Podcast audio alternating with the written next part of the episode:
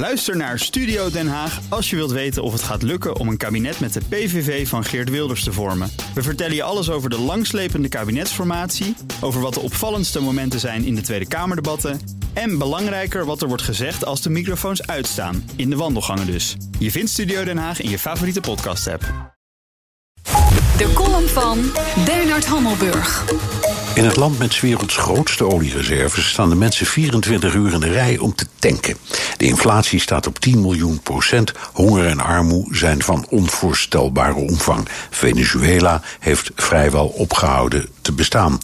Sinds Juan Guaido zichzelf in januari uitriep tot waarnemend president, hebben de 54 landen die hem erkennen de hoop dat president Nicolás Maduro de steun van de krijgsmacht verliest en dan aftreedt of wordt afgezet.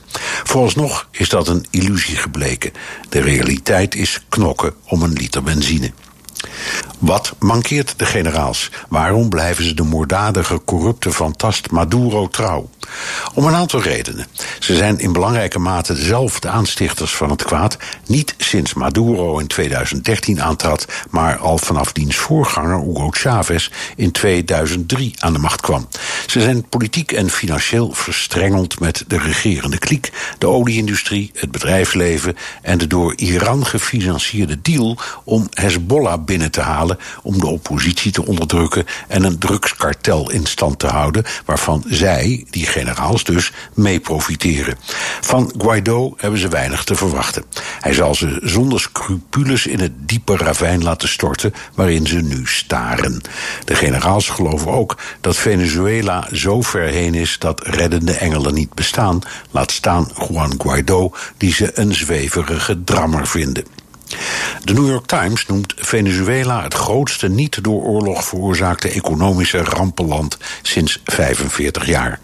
Maduro's voorganger Chavez beloofde een heilstaat, zou het bezit van de rijke elite onteigenen en de olieinkomsten verdelen onder het volk.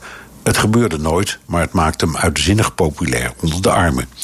Toen die na een paar jaar in de rij moesten voor een pak suiker of meel of boter, wat voordien zelden voorkwam, hadden ze nog steeds niet door dat ze waren geflest door een zich als socialist voordoende praatjesmaker die zijn eigen zakken en die van zijn kompanen vulde en een schrikregime had gevestigd. Maduro is niet meer dan een kloon van Chavez, maar zonder diens charisma. Amerika gaat niet ingrijpen, want wie stapt vrijwillig in zo'n emmer drek? Met de morele steun van 54 landen alleen gaat Guaido het niet redden. Voor de buurlanden zoals Aruba, Bonaire en Curaçao betekent dat aanhoudende politieke en militaire spanning en ongetwijfeld meer vluchtelingen.